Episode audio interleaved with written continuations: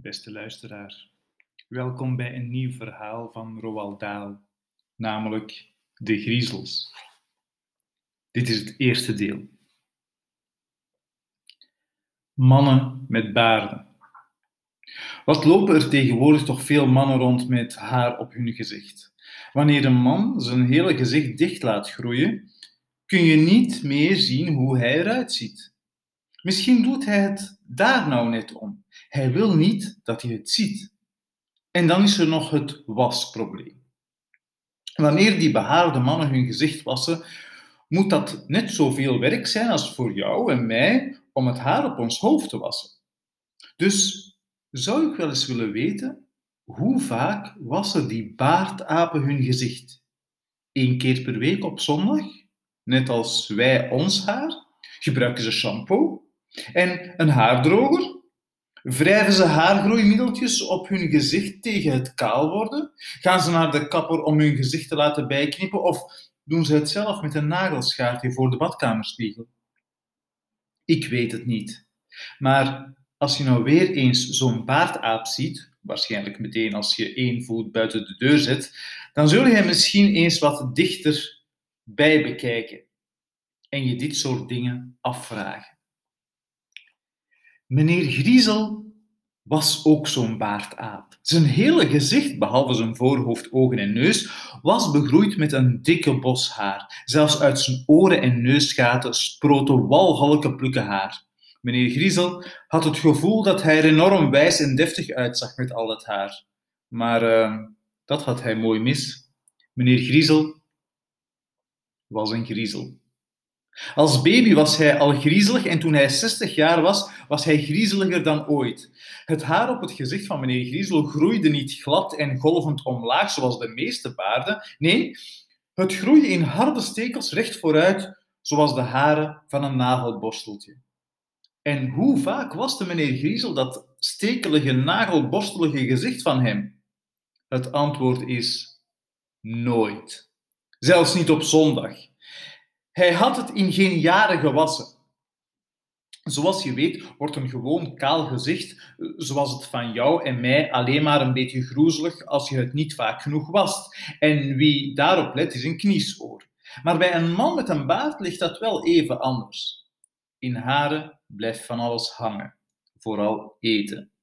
Spul zoals saus glijdt tussen het haar en blijft daar plakken. Jij en ik kunnen ons gladde gezicht met een servetje afvegen en dan zien we er wel weer min of meer schoon uit, maar een man met een baard, die kan dat niet. Wij kunnen ook, als we uitkijken natuurlijk, ons bord leeg eten zonder ons gezicht onder te smeren. Maar de man met de baard, niet. Let maar eens op, wanneer je een man met een baard ziet eten, dan zul je zien dat, hoe ver hij zijn mond ook openspert, hij nog geen lepel hutsepot of vanille-ijs met chocoladesaus naar binnen kan krijgen zonder dat er wat van aan het haar blijft hangen. Meneer Griezel nam niet eens de moeite zijn mond goed wijd open te doen wanneer hij at en daarom, en ook omdat hij zich natuurlijk nooit waste, kleefden er altijd honderden restjes van oude ontbijten, twaalf uurtjes en warme maaltijden aan het haar op zijn gezicht. Geen grote stukken hoor, nee, want die veegde hij onder het eten af met de rug van zijn hand of zijn mouw. Maar als je het van dichtbij bekeek, niet dat je dat nou voor je plezier zou moeten doen, dan zou je piepkleine stukjes omelet aan de haren zien hangen, en spinazie, en tomatenketchup, en fishsticks, en gehakte kippenlevertjes, en al die andere walgelijke dingen waar meneer Griezel van hield. Als je het van nog dichterbij bekeek, dames en heren, neuzen dicht.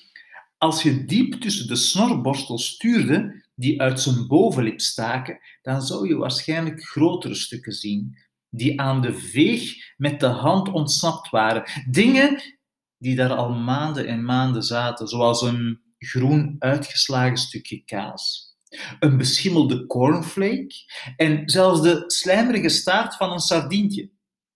Hierdoor hoefde meneer Griezel nooit echt honger te lijden. Als hij zijn tong uitstak, omkrulde en er de jungle rond zijn mond mee verkende, kwam hij altijd wel een lekker hapje tegen om op te knabbelen.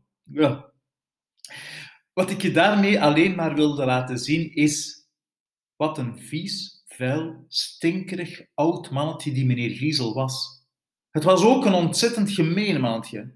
Dat, dat zul je zo meteen wel zien. Mevrouw Griezel was geen haartje beter dan haar man. Ze had natuurlijk geen baard, dat was wel jammer, want die had tenminste een klein stukje van haar monsterachtige lelijkheid kunnen verbergen. Kijk, het gekke is dat mevrouw Griezel niet zo lelijk geboren is. Toen ze klein was, had ze best een aardig gezicht, maar elk jaar dat ze ouder werd, werd ze lelijker. Hoe dat kwam, dat ga ik je vertellen. Kijk, als iemand lelijke gedachten heeft, dan, dan ga je dat aan zijn gezicht zien. En wanneer die iemand al door lelijke gedachten heeft, elke dag opnieuw, elke week en elk jaar, dan wordt dat gezicht lelijker en lelijker en lelijker, tot het zo lelijk wordt dat het niet meer om aan te zien is. Iemand die mooie gedachten heeft, die kan nooit lelijk zijn. Al heb je een knobbelneus, een scheve mond, een onderkin en konijnentanden, als je mooie gedachten hebt, schijnen ze uit je gezicht als zonnestralen en zul je er altijd even mooi uitzien. Niets moois straalde af van het gezicht van mevrouw Griezel. In haar rechterhand had ze een wandelstok. Ze zei altijd dat ze die had omdat de vratten onder haar linkervoet pijn deden bij het lopen. Maar eigenlijk had ze die stok alleen maar bij zich om ermee te slaan naar van alles en nog wat, zoals honden en katten en kleine kinderen.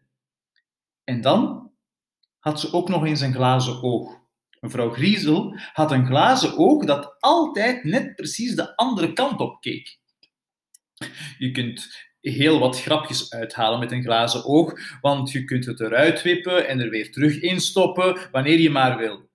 Reken maar dat mevrouw Griezel alle grapjes, alle rotgrapjes op haar duimpje kende.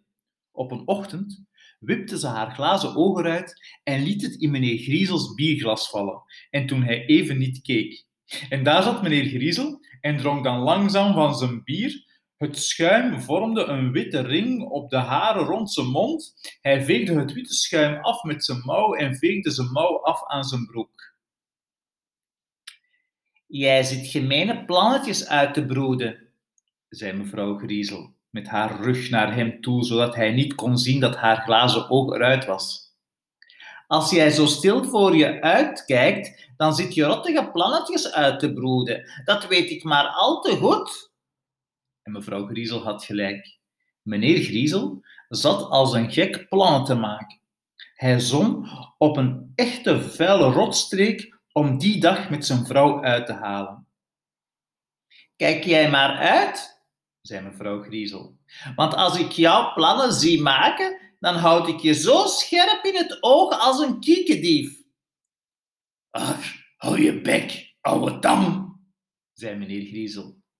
Hij ging door met bier drinken en zijn slechte gedachten bleven verder werken aan de spiksplinternieuwe rotstreek die hij met de oude vrouw uit ging halen.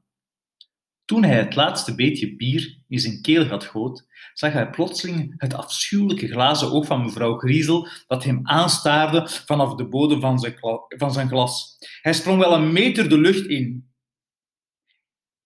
Ik zei toch al dat ik je in het oog hield, zei mevrouw Griezel. En ik heb mijn ogen niet in mijn zak.